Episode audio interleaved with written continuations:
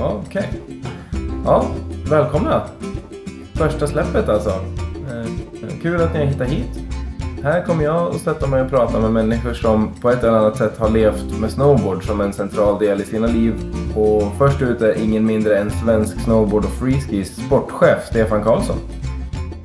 Det kan nog låta stort och formellt med sportchef på förbundet, men Stefan har en lång tävlingskarriär bakom sig så vi kan nog vara eniga om att Stefan är en av de första som verkligen har levt genom alla instanser av professionell snowboard eh, med tanke på positionen han har nu.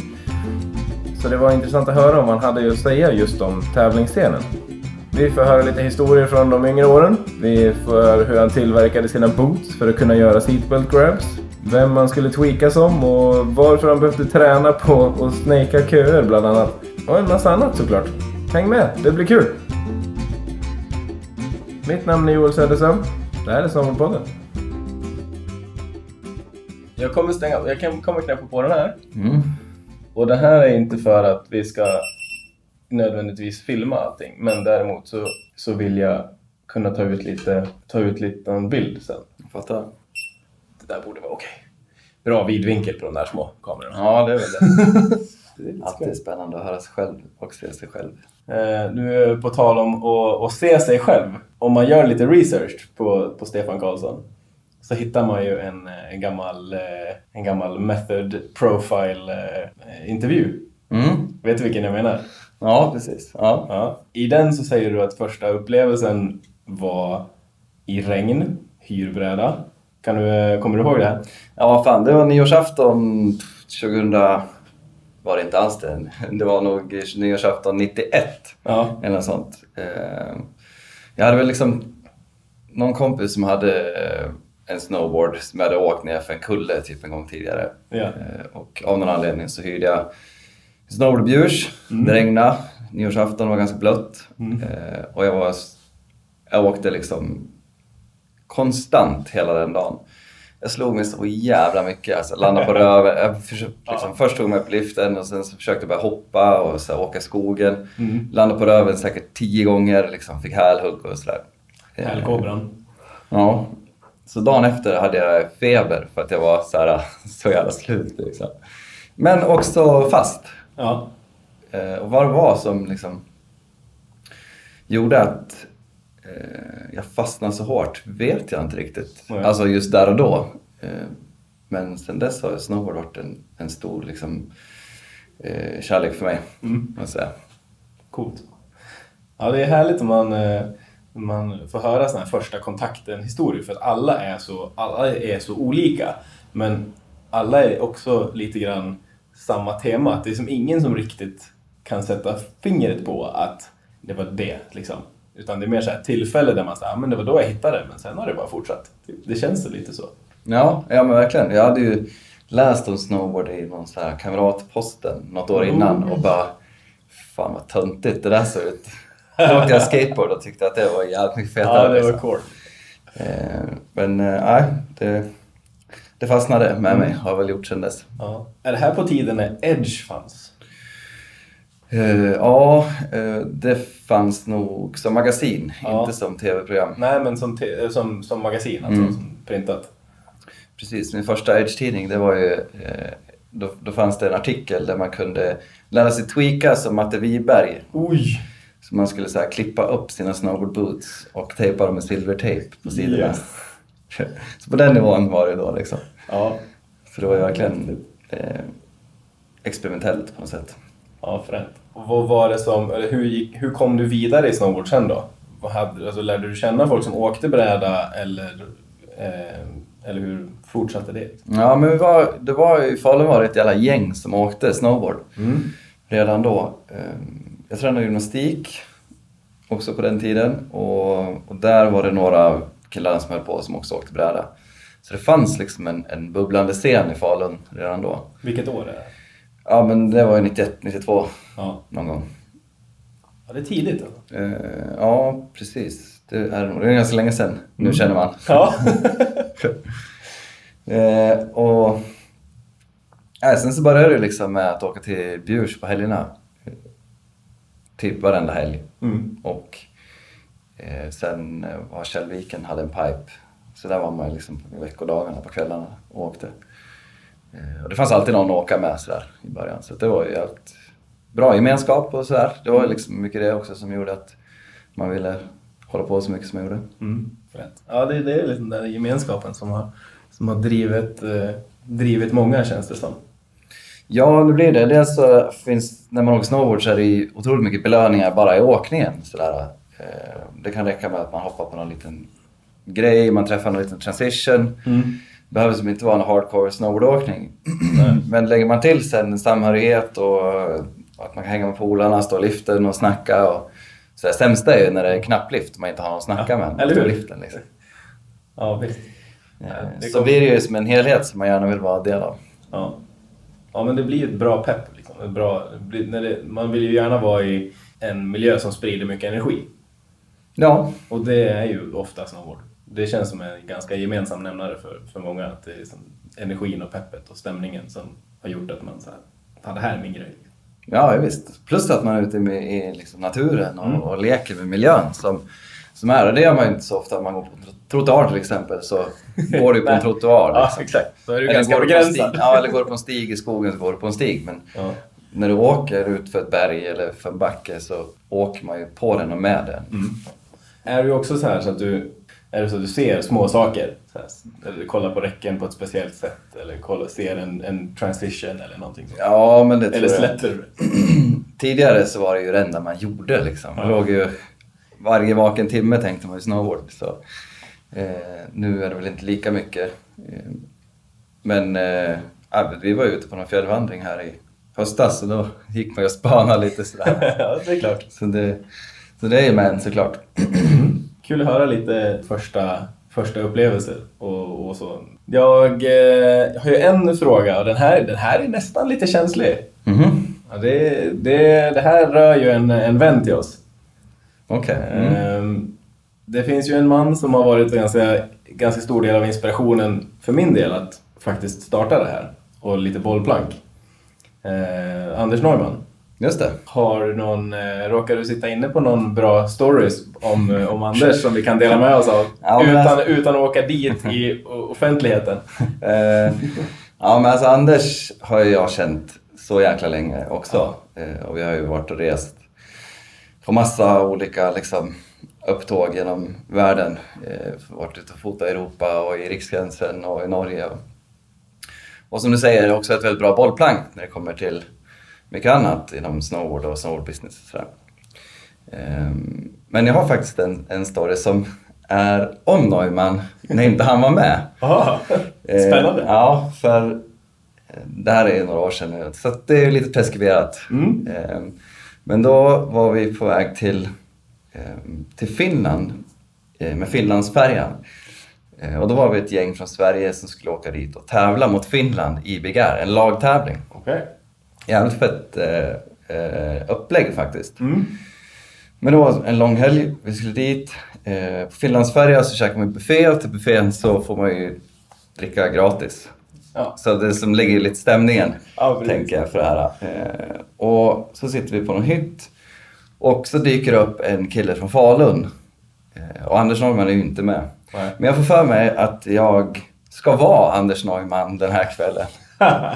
Och liksom drar hela, ja, att jag är Anders Norman för kniva och att jag är si och så gammal. Mm. Och då visade det sig att den här killen har gått i parallellklass med Anders. Men han, tyckte, han kände liksom inte igen mig alls. Eh, men han kände ju igen alla historier liksom och samhörigheten och du vet sådär. Eh, och ja, summa summarum, alltså jag tog det lite för långt. Så jag kände till slut att jag, jag kan liksom inte breaka det här. Nej. Jag får liksom löpa linan ut. exakt, hålla i det nu liksom. För att det inte skulle liksom skeka ur. Ja. Så, så att det var lite oskyldigt men det var också ganska kul att gå in i Anders Neumans kläder en, en hel kväll. Liksom. Ja. Och det här tror jag aldrig att jag har berättat för Anders. Right. Så om du lyssnar, sorry, eh, men jag tror att jag skötte mig ganska väl i alla fall. Ja, vad skönt. Det vart inga, det vart inga uppståndelser på, i, Nej men vet, man kommer till en gräns där man liksom har så här, blivit polare med någon typ och fast han har blivit polare med en helt annan person. Ja. Och eh, alltså det blev lite det kan bli lite konstigt. Sådär. Det hade varit svårt att, att presentera sig som Stefan Karlsson där lite, lite närmare midnatt. Ja, det var svårt att breaka den. Ja. Men hur länge, alltså hur, hur länge under kvällen fortgick det här då? Det här måste ju ändå ha, om du säger löpt liknande ut, hur länge var, varade kvällen? Nej men alltså grejen var att det var ju någon form av förfest och sen så var vi vidare ut liksom i... Ja, men jag vet inte, man kom väl undan till slut liksom. Ja. Ut i vimlet. Dodga bullen. ja. ja men typiskt dodging ja. Höger, vänster. Ja. Ja, nej, men så, att, eh, så det var en liten anekdot faktiskt. Ja, ja men kul. Och Speciellt när han, om han inte... Ja, det blev en, en personifiering av Anders Neumann helt. Ja. Ja, vi får, väl, vi får ta den med honom att man kan godkänna ett alter ego. ja, exakt. Ja, vad kul. Vi kommer ju naturligtvis att prata igenom lite bakgrund i svensk snowboard. Ehm, och sen har vi din position idag med tanke på att du jobbar i förbundet Mm. där vi sitter idag faktiskt och gör den här intervjun. Jajamän, på storchefens kontor. Riktigt storchefen-kontor alltså. Har vi lånat. Mm. Vems kontor har vi lånat? Eh, Tom Eliasson, han är alpinchef. Så Mm. eh, jag sitter i rummet bredvid annars, men där fanns det folk idag. Ah, då fick vi, fick vi låna det här så det blir lite lugnare. Mm. ja, det är perfekt. Eh, nej, så, så dels kommer vi naturligtvis prata om den bakgrunden och vägen till förbundet. Eh, men för att ge en liten blick av Stefan och en liten, en liten bild så tänkte jag att vi skulle kolla lite i backspegeln också. Ja, ja, det är ju alltid spännande. Mm, ja, men det är lite det, eller hur? Ser man själv minst. Ja, exakt. Ja, det blir intressant. Du är ju från Falun. Stämmer bra det. Mm. Eh, exilmas. Ja, exilmat. Just Ja. Ja, nu bor du i Åre. Ja, precis. Jag bor i Tegefjäll. Ja. Eh, Jag tänkte att ska jag jobba med det här, Mm. eh, jobba med snowboard, så är det lätt att liksom fastna på ett kontor och prata om hur det var på min tid och så vidare. Så... Som vi gör nu. Ja, precis. Så vill jag ändå vara liksom förank- förankrad i, i eh, nutiden. Mm. Eh, och då vill jag gärna bo där man kan åka mycket snowboard och Mm. vara en del av, av scenen. Liksom. Mm. Det är grymt att du har möjligheten att, att göra det härifrån. Mm, ja, verkligen. Så, att, eh, så det har varit ett bra drag tycker jag. Mm. Kul. Ehm, men du, eh, Falun, första, första åkningen i Bjurs. Hängde du mycket på Curb när du var yngre? Ja, alltså det fanns ju två butiker i Falun. Mm. Eh, Curb var den Mm. ena som Ja. Janne drev eh, och driver fortfarande tror jag. Mm. Och eh, så fanns det Falu Surfshop. Eh, och hade jag fått betalt för alla timmar som jag har fördrivit på de där butikerna så jag kanske varit rik nu. Ja, ja. Nej men lite så, man var ju där och bara hängde och typ eh, handlade alldeles för lite tror jag. Mm. Mot all tid som jag var där. Men Nej, det var ju som lite av en snowboard-hub. Liksom. Mm. Ja, det, det blir lätt så. Ja men man har ett stort intresse. Det, liksom då, på den tiden, alltså det här är tidigt i snowboardåkningen också, då kom ju alla kataloger hem liksom i så här pappersformat. Fanns inte internet då. Ehm, Så de där satt man ju och bläddrade i liksom också, kunde typ utan till. Liksom. Mm. Byggde på ha- ha-begäret. Ja, verkligen. när, när började du känna att du började så här nörda ner dig och när ni började prata om eh, utrustning och, och hur, gick den vågen egentligen? Ja, alltså det var ju mer så här coola grafiker typ och eh, om man skulle ha highbacks eller lowbacks och, Mm, och sådana där grejer. Mm. Ehm, Jag sydde faktiskt ett par mina snowboard boots. Eh, Jag hade fått en bräda och fick på boots och de bootsen så gick det inte att göra seatbelt grab. Åh nej. Katastrof Total kände katastrof. jag. Eh, Köpte ett par gummistövlar, bara klippte upp dem, stoppade i innerskon från de här gamla snowbootsen, eller ny, nya snowboots var det men innerskon från snowbootsen och sydde på läder utanpå. Eh, så att de såg ut som typ ett par Airwalk halfpipes. Mäktigt. Sen gick det fan att tweaka och göra sit grab ska jag säga. Ja, vad härligt.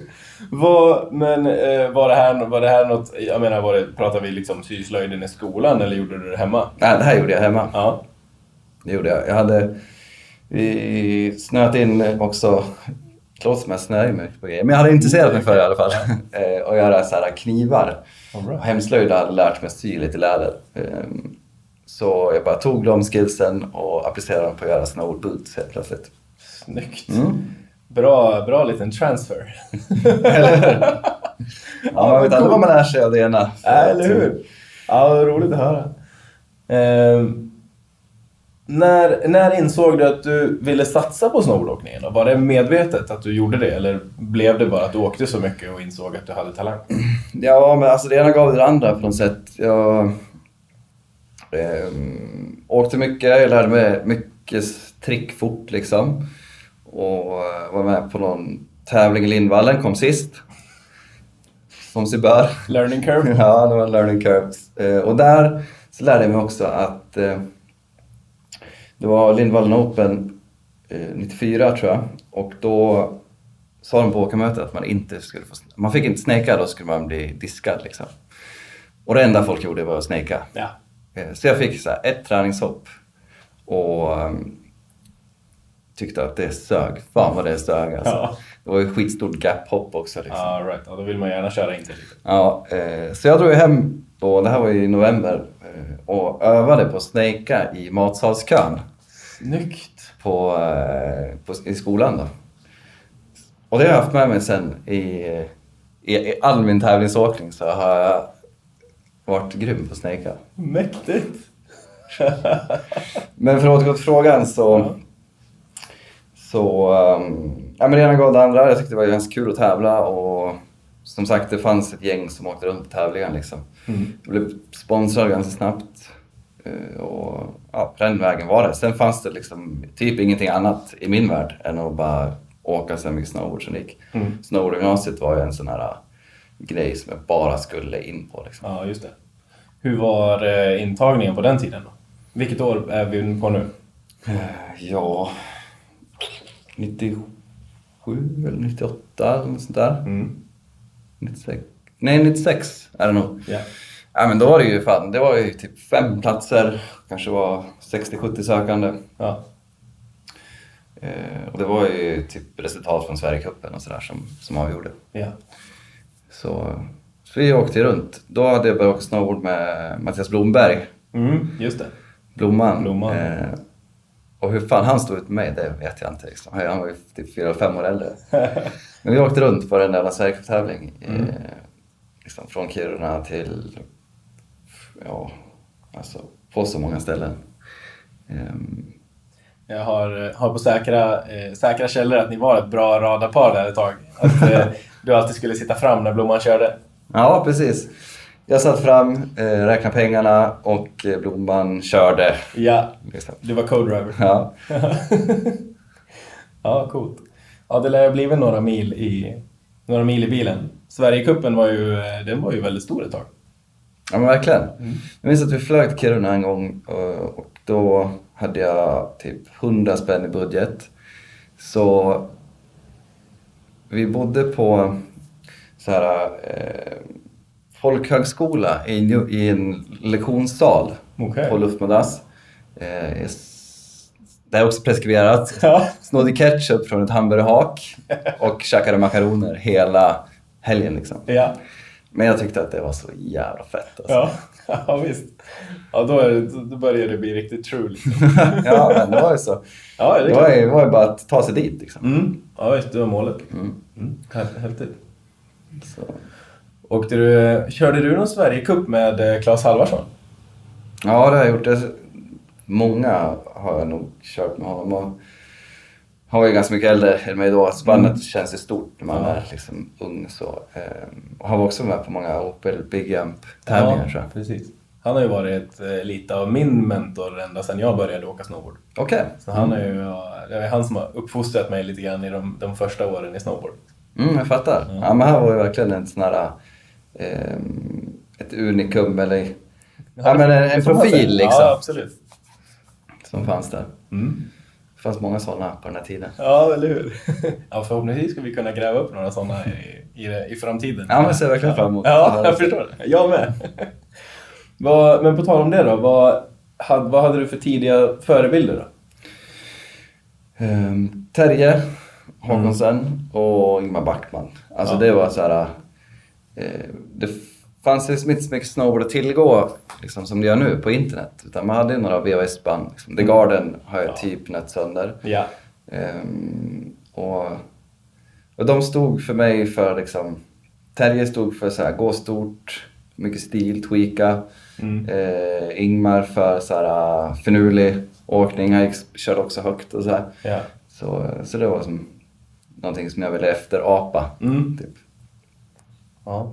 Och sen har jag lärt känna eh, framförallt Ingmar. Eh, har åkt för hans märke under massa år och eh, träffat Terje massvis med gånger sådär. Så, så det har ju också varit kul att lära känna dem. Liksom. Ja, eh, du, har ju, åkt- du har väl åkt för Alayan? I, när, hur länge har du åkt för dem egentligen? Sen 2001 Mm. så är det väl bara att räkna. Ja, exakt. Jo, men det var då. Hur, hur kom det sig då? Ja, men det var... Eh, 2001 hade jag också ett ganska bra år. Eh, men framförallt så var Jakob Söderqvist som var en del av pro-teamet där som, som hjälpte mig in. Eh, så fick jag hänga med till Japan eh, 2001 och köra lite uppvisningstävlingar och hänga ut med hela det gänget i typ 10 dagar. Mm. Eh, och ja, men passade jävligt bra. Jag tyckte det var skitkul gäng liksom och de verkade gilla mig också. Sen dess har det varit liksom en, eh, en bra sponsor till mig och ett bra liksom, märke att köra för. Mm. Så jag har varit i Japan typ vartannat år och kört demos och sådär. Fram tills för några år sedan bara egentligen. Ja, precis. Ja, men coolt. Min, eh, det var egentligen min, ja, vad ska man säga, det, är min tre, det var min tredje bräda. Det var faktiskt en Cale Stevens Alayan. Ja, just det. Mm. Den med snöskoten på. Jajamän. Jajamän. Den har jag också åkt mycket på alltså. Ja. Jävligt bra bräda. Eller hur? Riktigt bra. Ja, ja häftigt. Kul att höra lite om det. Vi pratade lite, vi luftade ju snowboardgymnasiet lite lätt. Eh, och du kom in naturligtvis. Och hur, jag menar miljön och, och utvecklingen där måste ju ha varit väldigt annorlunda än att åka snowboard med polarna. Vad, skulle du beskriva miljön där på ett, annat, på ett Ja, ja, alltså där fick man ju nya polare att åka med. Såklart. Eh, och man åkte ju mycket snowboard. Samtidigt så, liksom, man är mellan 16 och 19 så man håller ju på att upptäcka liksom, både sig själv och världen på, Mm. på något sätt. Ehm, och, men det är klart, man, man fick ju världens förutsättningar liksom. Blev ju runtskjutsad på tävlingar och framförallt liksom hade en struktur där vi fick åka jävligt mycket snowboard. Vi Mm. åkte snowboard liksom tre dagar i veckan plus helger. Mm. Eh, Men, och det var egentligen, alltså första året så gick jag i skolan hela året och var med på allt. Och sen andra och tredje året så um, reste jag väldigt mycket. Jag var i typ Schweiz i två månader och hittade skolböckerna under sängen. Ja. När jag skulle åka hem, hoppsan. Ups, just ja. Eh, så, men, ja, men det var en bra tid, det tycker jag. Och ser man till hur det ser ut nu så har de ju otroligt mycket bättre förutsättningar än vad det var då. Och då var det ju bra redan. Liksom. Ja. Och det känns som att de verkligen har eh, steppat upp det och, och kör väldigt organiserat och, och proffsigt nu. Ja, och sen så finns det, de har ju liksom eh, trampolinhall och skumgummigropar och liksom Mm. ett jävligt bra gym och sådär. Så att, eh, och liksom en liten railarena så fort, så fort det börjar snöa går det att köra. Ja. Och alla de där grejerna fanns ju knappt när, när vi höll på. Liksom. Nej, precis. Så, ja men skillnad. Mm. Hur, jag menar genom att du säger ni har varit och kört mycket demos, det blev mycket tävling för dig ganska tidigt. Har du, valde du aktivt mellan tävling och film eller föll det sig bara? Var det tävlingsnerven som kickade in? Ja, nej men det kan man väl säga. Alltså, jag tyckte det var fett att tävla. Mm. Och hade väl några år där det gick ganska bra också. Eh, Men sen har jag alltid... Alltså tävlingssäsongen sträcker sig fram till mars ungefär. Eh, Och vintern är ju längre. Mm. Så att jag har alltid så här, haft en fot i foto och filmbranschen också. Fotat mycket och, och liksom varit på mycket så här uppvisningsgrejer som du nämner. Och, så att jag har alltid försökt kombinera det där. Mm. Ehm, Men med vikt mot tävlingsåkningen. Men menar, ser man också till liksom, de flesta filmåkarna har haft en tävlingskarriär i grunden. Travis Rice, Ja, han gick för OS liksom 2002. Ja. Eh, Niklas Müller, eh, Fredrik Halbermatten, alla de har ju varit liksom riktigt, alltså tävlat väldigt mycket innan de har blivit filmåkare. Mm. Så att jag tror att det är en bra grund att liksom eh, både lära sig mycket om sig själv och även pusha sig själv. För det gör man oftast i tävlingssammanhang. Mm.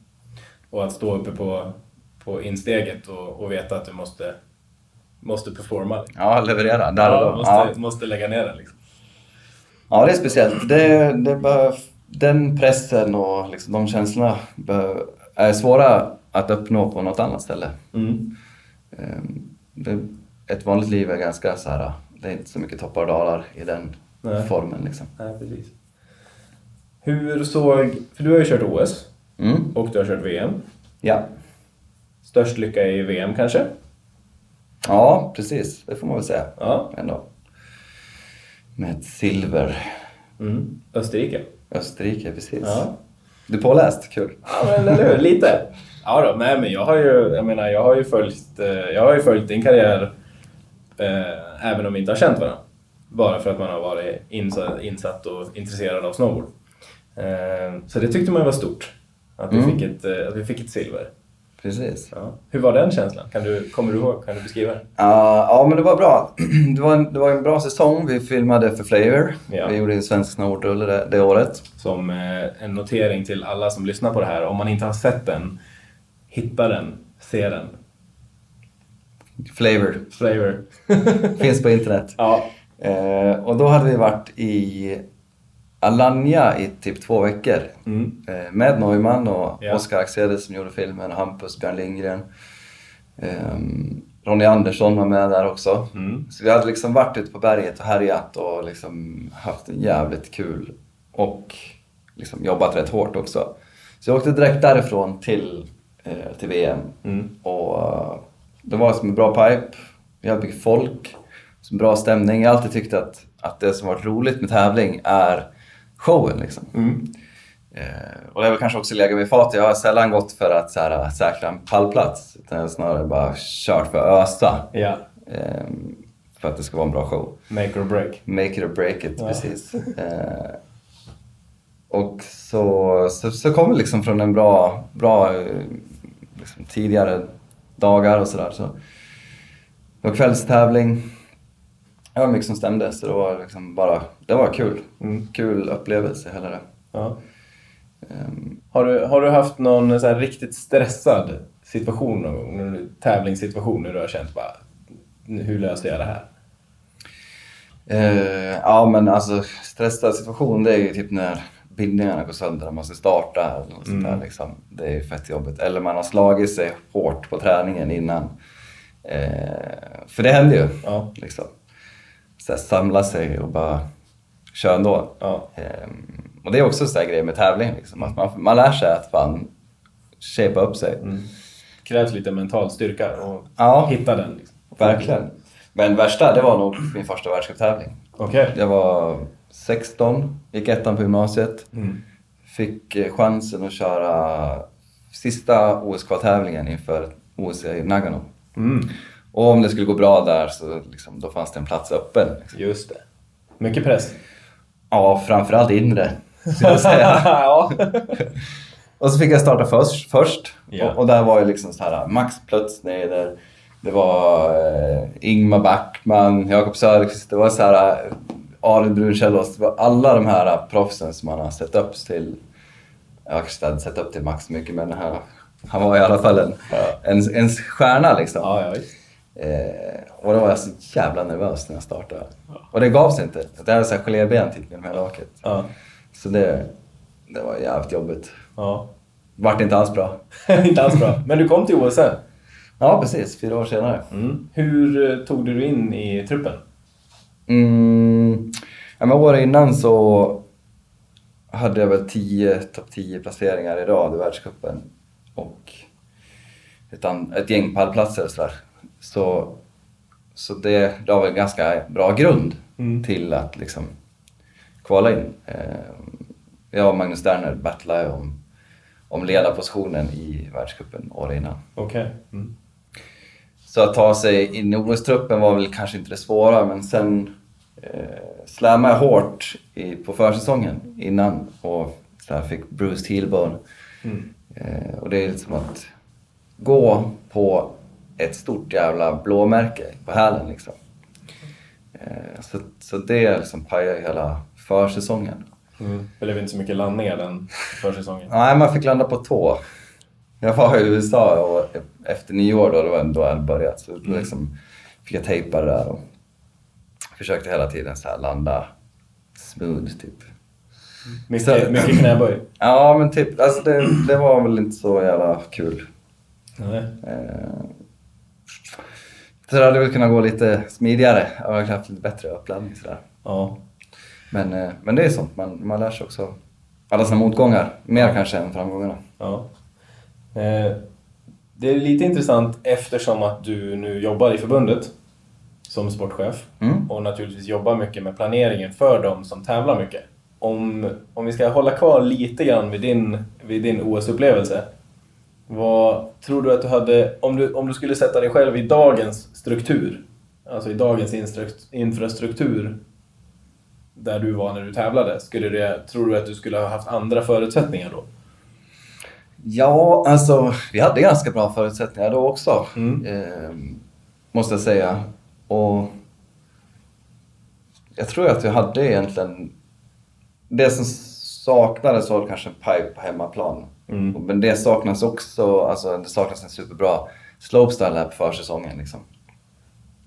Men sen så, alltså det, det mesta fanns tillgå. Men, men det handlar också lite om så här. eh, Jag tror att jag var helt envis då och gick min egen väg. Mm. Det har ju hänt att man har gjort det. Ja, det, Så är, du är en- väl ändå lite känd för det? Ja, kanske. Jag tror det. Ja. så en, en äldre jag kanske hade valt andra sätt att förbereda mig på. Mm. Men jag tror att möjligheterna fanns. Ja. Eh, likväl då som de gör nu. Mm. Eh, och där kan man ju se kanske att det finns eh, hos några av åkarna lite större liksom, förståelse för eh, lite mer av en professionalitet i, i liksom, utövandet eller så här, förberedelserna. Mm. Så det är nog skillnad. Ja. ja, det blir ju en lite annan än att... Men vi pratar ju mycket om naturligtvis att åka snowboard med polare och, och gemenskapen och stoket och peppet och, och hela den upplevelsen. Men det blir ju lite en annan bild när man ska kvala till ett OS. Mm. Då måste man väl, jag, menar, jag kan tänka mig, nu, jag är inte på kartan att kvala till OS, men det är inte svårt att förstå att det krävs en lite annan typ av förberedelse, en lite annan mindset. Mm, nej, precis. Så är det väl. Man ska komma ihåg att jag var också typ 19 eller 20 då. Så Mm. man var inte heller eh, skitgammal. Nej. Men, det, men absolut, det krävs ett mindset. Men det, jag skulle understryka då att, att det som man ändå lyckas bevara, eller snowboard, och åkarna nu och vi som var åkare då lyckades liksom hålla den här balansen mellan att liksom gå in i en tävlingssituation och vara jävligt fokuserad. Men också kliva ur den och vara liksom glad och stokad för sina kompisar och Mm. liksom upptäcka livet och hela den här biten så att man inte blir så jävla grav, gravallvarlig. Av, gravallvarlig. Eh, eller tyngd av sin egen situation. Mm. Och det är ju någonting som jag tycker att vi liksom verkligen ska jobba för att, att bevara den, eh, den balansen. Mm. Eh, För det man alltid med sig. Det är alltid kul att åka snowboard. Eller hur? Ja. Ja, det, det är det. Och det är som sagt, det är som du säger, det är, det är, därför, vi har, det är därför vi åker så. Exakt. Oavsett vilken nivå man är på. Och kan man komma ihåg det så blir det oftast mycket lättare och roligare. Mäktigt. Nu, eh, vad skulle du säga att, att de största skillnaderna är för någon som försöker ta sig in i OS idag kontra någon som försökte ta sig in i OS när, när det begav sig för din del? Ja, största skillnaden? Ehm, det är nog... Alltså, oavsett... Nu är nivån av snowboardåkningen mycket högre. Men jag tror att det alltid är svårt att vara bäst oavsett vilken, ehm, oavsett vilken generation man är i. Så det är alltid svårt att vara ledare liksom, och vara kvar där. Så där ser jag inte att det är så stor skillnad. Liksom. Ehm, som sagt, det är mycket högre nivå men, men alla ligger på en högre nivå. Mm. Men det svåra är att vara där i toppen. Var den som pushade. Ja, men det jag kan se skillnad nu, det är att eh, industrin, det kanske är mindre pengar. Eh, det, det finns mindre pengar för de som är på väg fram. Liksom. Men jag var sponsrad när jag, var, liksom, när jag gick på gymnasiet fick jag betalt för att åka snowboard.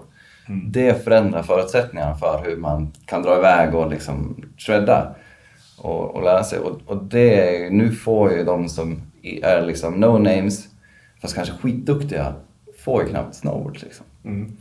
Så vägen fram nu är nog eventuellt tuffare. Liksom. Mm.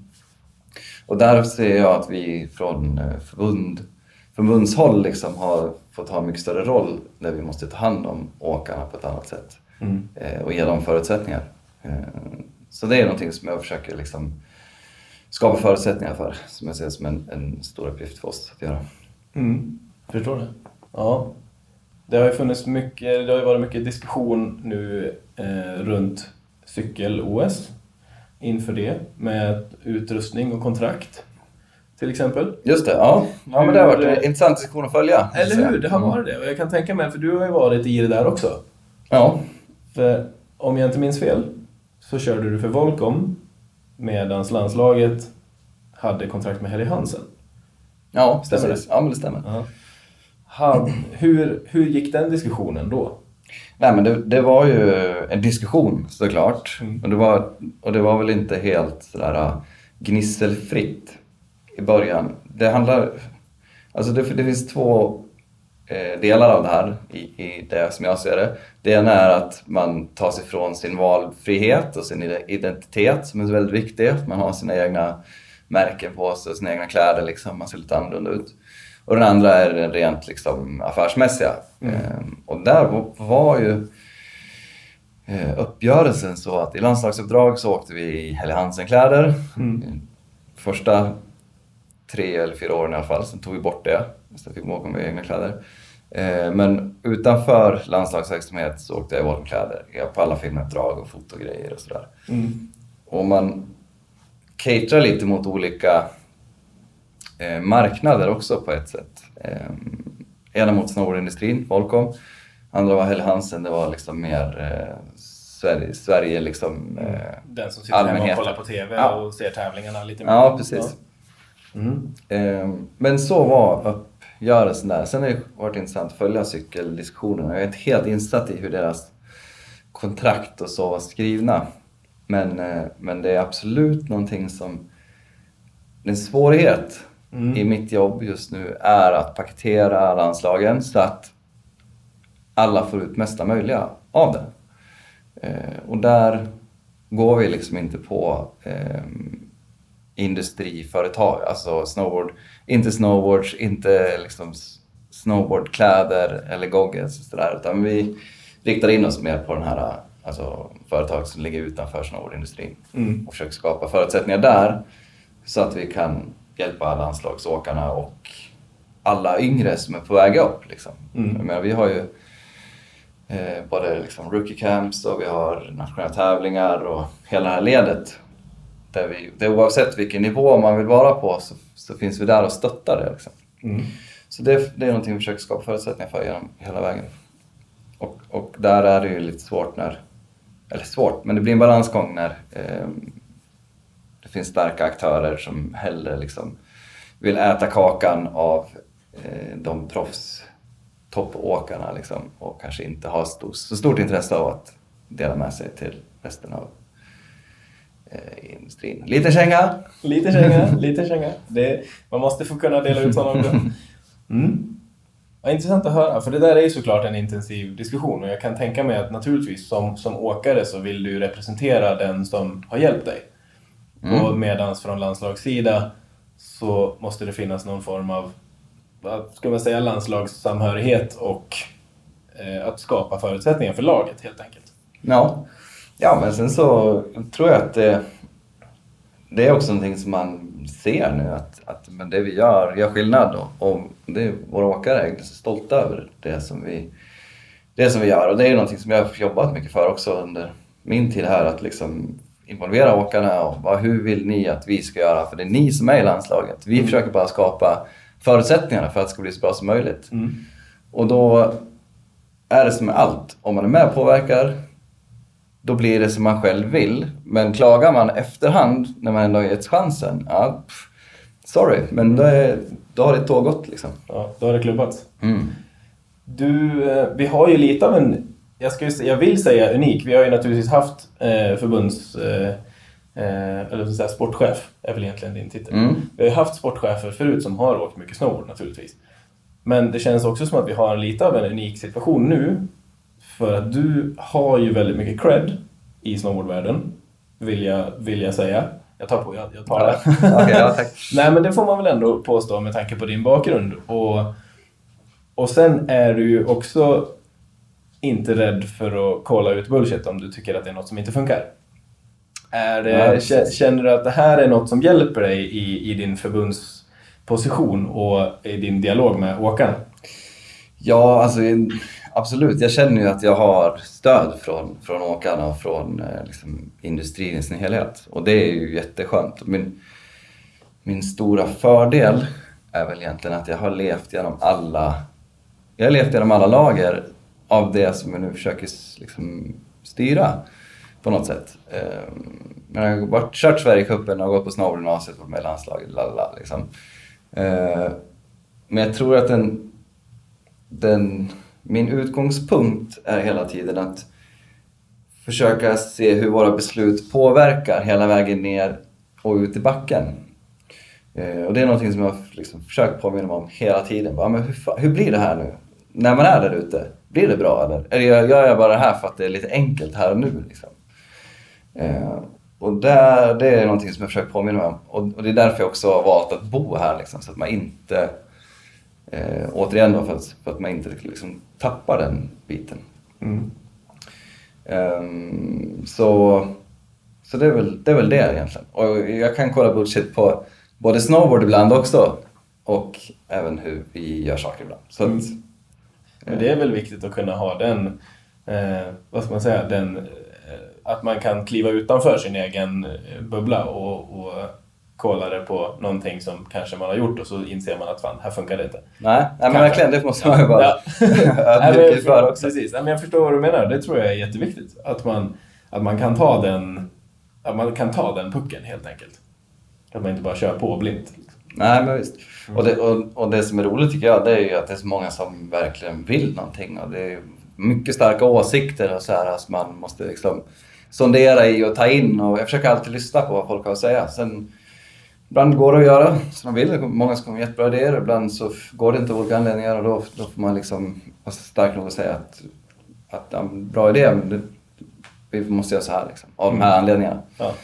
Så, så ja, det, det är en balansgång att gå dagligen. Mm, jag förstår det. ja, kul att höra. Vad, vad, har, jag menar, vad har varit din största grej som du känner att du har fått tagit tag i sen du började på nya jobbet? Min största grejen alltså, första år, hela första året har ju varit liksom en, en eh, bara genomlysning av vad vi gör. Jag har ju sett tidigare också saker som jag vill förbättra. Eh, vissa saker går snabbare än vad jag tänkt och andra går, tar lite längre tid. Ehm, men jag har jobbat på att det ska vara tydligare. Det ska vara, liksom komma ut med tävlingsdatum och camptider och alla sådana tidigare så att man kan planera bättre. Eh, Det är någonting som, har, eh, som jag själv aldrig har brytt mig om egentligen. Eh, Men har insett att, att det är viktigt för människor att funka att, att planera. så, så det har varit en stor grej. Ehm, Vi har utökat rookie camps med något år till. Eller med en, en, ett, ett stopp till. Just på våren och på hösten. Mm. Vart kör ni då? Hemavan och Stryn. Mm. Med hjälp av Hampus Mosson och Jakob Wilhelmsson som är, Precis. liksom, håller i det. Det har varit super kul och lyckat och, och det är verkligen, man får komma dit och bara shredda så mycket det går. Det är för 8 till 16-åringar. Liksom. Mm. Tre dagar, eh, tre och en halv dag. Och, ja, det, det är någonting som sett för att liksom bevara åkglädjen och skapa åkglädje. Liksom. Om, det, om man lyssnar på det här nu och tänker att det skulle jag vilja kolla in. Vart kan jag hitta information om det här då? Ja, vi finns på Rookie Camps brukar vi lägga upp på Snowboard Team Sweden. Eh, gå in och följ dem. Där lägger vi upp bra information.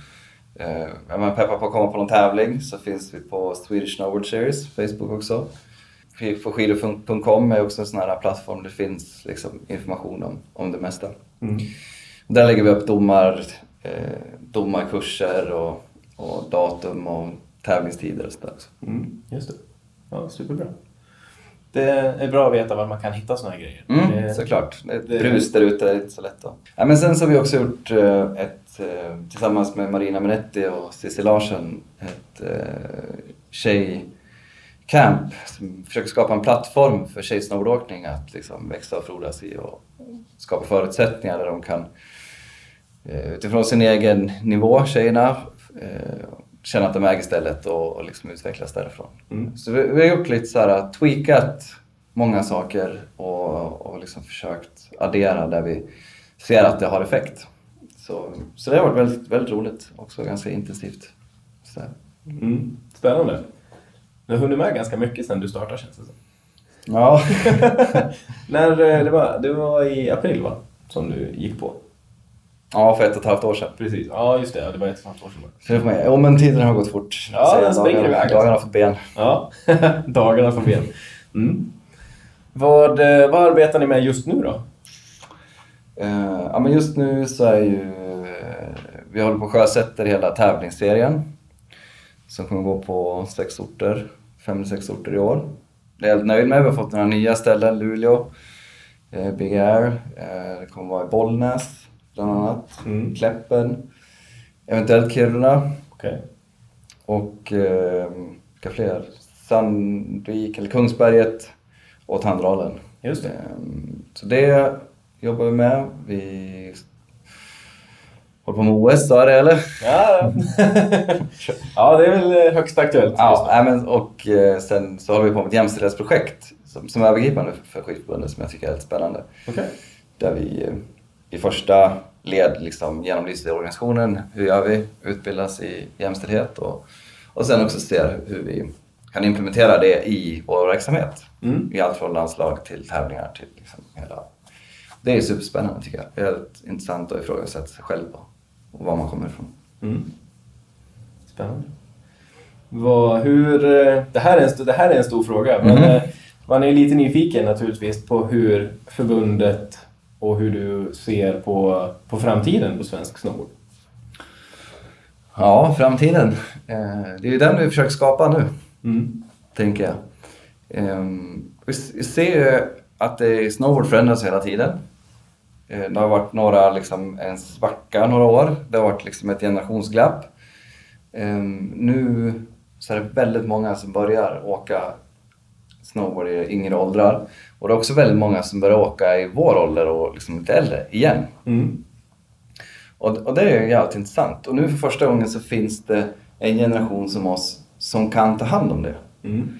Eh, som har liksom åkt bräda från barnsben, vet vad det handlar om och vill vi ta det vidare liksom och ge det till nästa generation. Så där håller vi på att titta på att liksom eh, kanske göra någon form av eh, klubb. Ska inte säga tränarutbildning, men en eh, där man får lära sig lite om så här, mottagande. För nu är det åttaåring, sju åttaåringar som åker snowboard. Mm. Och de behöver en samlingsplats liksom, i sin hemmabacke. Ehm, Det är alltid någon som kommer slå sig, någon som blir kissnödig, jada jada. Liksom, det, de behöver tas hand om. Ja. När vi började åka, då var man ju 12-13. Mm. Då kunde man ta hand om sig själv. Då ville man inte att föräldrarna skulle vara där. Liksom. Nej. Nu är det Då vill- Då vill man åka med polarna. Ja, exakt. Det vill man också göra fortfarande. Men, Mm. men just den här att, att skapa samlingsplatser ehm, och bygga gemenskapen för snowboard eh, tror jag kommer vara en viktig del framöver. Och där tror jag att vi i vår generation, hör ni det, eh, kan vara en, en, eh, ja, men en, en stor tillgång. Mm. Och vi har också möjligheten som sagt att forma hur vi vill att det ska se ut framöver. Och, och det ser jag också som en, en unik grej som jag tycker vi ska ta vara på. Eh, och sen så är det ju liksom bankslalom, också så här typisk typ grej. Det jag inte tycker att vi ska vara och peta i. Det är grymt att det görs. Men det påvisar också hur, hur kul folk tycker det är att åka bräda och liksom ändå vill ha någon form av tävlings eh, sammanhang att hänga upp det på liksom. Ja, visst. Och Riksbanksslalom har ju verkligen... Det speglar ju verkligen åkglädje. För att, och bland alla snowboardgenerationer. För där ser vi ju hela tiden hur... För det har ju fyllts på varje år med kids runt 8-9 år som kliver in i den där startkuren och tycker att det här kommer bli grymt roligt. De är lite nervösa, men det här kommer bli kul. Liksom. Ja, Eh, och då är det ju naturligtvis, jag menar, vi, vi går ju in hårt för att skapa den känslan där de känner sig att det här kommer bli roligt. Liksom. Och Ja. sen har man världsproffs, så, full, fulltids snowboardåkare som är bara så superladdade på att bara åka och svänga och få en så snabb tid som möjligt. Så det, det är en härlig variation. Mm. Ja, det är ju också en sån där grej som... Ja, men varför åker man eller varför vill man samlas? Och, ja, man kanske inte vill vara bäst i världen liksom. Man vill ändå vara en del av sammanhanget och Mm. känna den där nerven som du säger. Det är liksom, som sagt, man, blir, man får inte uppleva det så ofta. Och det är ganska kul att upptäcka nya sidor av sig själv, vilket många gör, så är den där miljön. Jag tror också det. Ja, men vi ser, jag ser just på framtiden. Jag tycker Mm. att det, det är spännande tider framöver. Mm. Kul. Du, eh, om vi ska ta och eh, avsluta det här lite grann då. Det har varit superintressant att höra lite om din bild av eh, jag menar, både din bakgrund och sen naturligtvis din position i svensk snowboard idag. För att du har ju verkligen gått igenom hela, du har ju verkligen gått igenom alla instanser och nu har möjlighet att påverka. Eh, så jätteintressant att höra lite grann om det. Eh, avslutningsvis så måste vi bara få höra lite hur en vanlig dag på brädan ser ut idag. När, det, när, det, när du har kanske ett annat fokus än vad du hade om, om just tävlingsbakgrunden och filmbakgrunden som vi har pratat om. Ja, eh, en vanlig dag på berget. Dels så vill jag alltid ha med mig någon kompis. Eller vill och vill, men det är alltid roligare när man har en polare med sig. Det kommer ju liksom aldrig försvinna. Eh, sen så ser jag med berget, jag upptäckte det också nu när jag har varit här och kört väldigt mycket, att jag, jag åker och letar hela tiden efter små grejer att så här, trixa på eller liksom, eh, som jag var inne på tidigare, träff, träffa någon transition eller liksom svänga ner mellan något träd eller så här, hela tiden leka med miljön. Eh, och det är så här, jag har liksom inte hittat någon annanstans där man kan göra det på det sättet. Så man glider ut för ett berg på snö och man är i naturen och man är en del av den. Liksom. Så snowboarden blir som någon slags eh, förlängd så här, del av mig själv där jag kan få utlopp för det. Mm. Eh, Så, så det är jag runt och gör Ja. jävligt mycket. Ja, och, vi- och åker rätt fort liksom och sådär. Ja, det, jag har jävligt stor behållning av snowboardåkningen på den nivån också. Jag tycker att det är skitfett. Ibland cruisar vi in i parken och hoppar lite och man slänger en backside här någonstans och sådär. Så egentligen gillar jag hela spektrat av. Men jag är inte så intresserad av att hoppa stora, skitstora hopp längre liksom. Nej. Får preppa för att andra får göra det istället. Precis. Eh, det räcker gott för mig.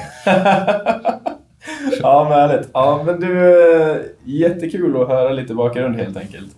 Eh, tack för att du eh, tog dig tid. Mm, tack själv, det var kul att få eh, försöka bena ut lite i vad man faktiskt håller på med. Ja, precis. Ja, det var roligt. Det ska bli, eh, ska bli kul att få, få eh, sprida lite av den här förbundssidan också. Det, det blir spännande att se. Mm, tack för det. Tack så mycket. Sådär, Stefan Karlsson droppar visdom. Här kommer ni som sagt kunna få lära känna fler snowboardprofiler i framtiden. Och vill ni ha koll på uppdateringar och så vidare så kan ni såklart hitta Snowboardpodden här på Podcaster, på Facebook och Instagram såklart. Tack för att ni har lyssnat. Hörs nästa gång.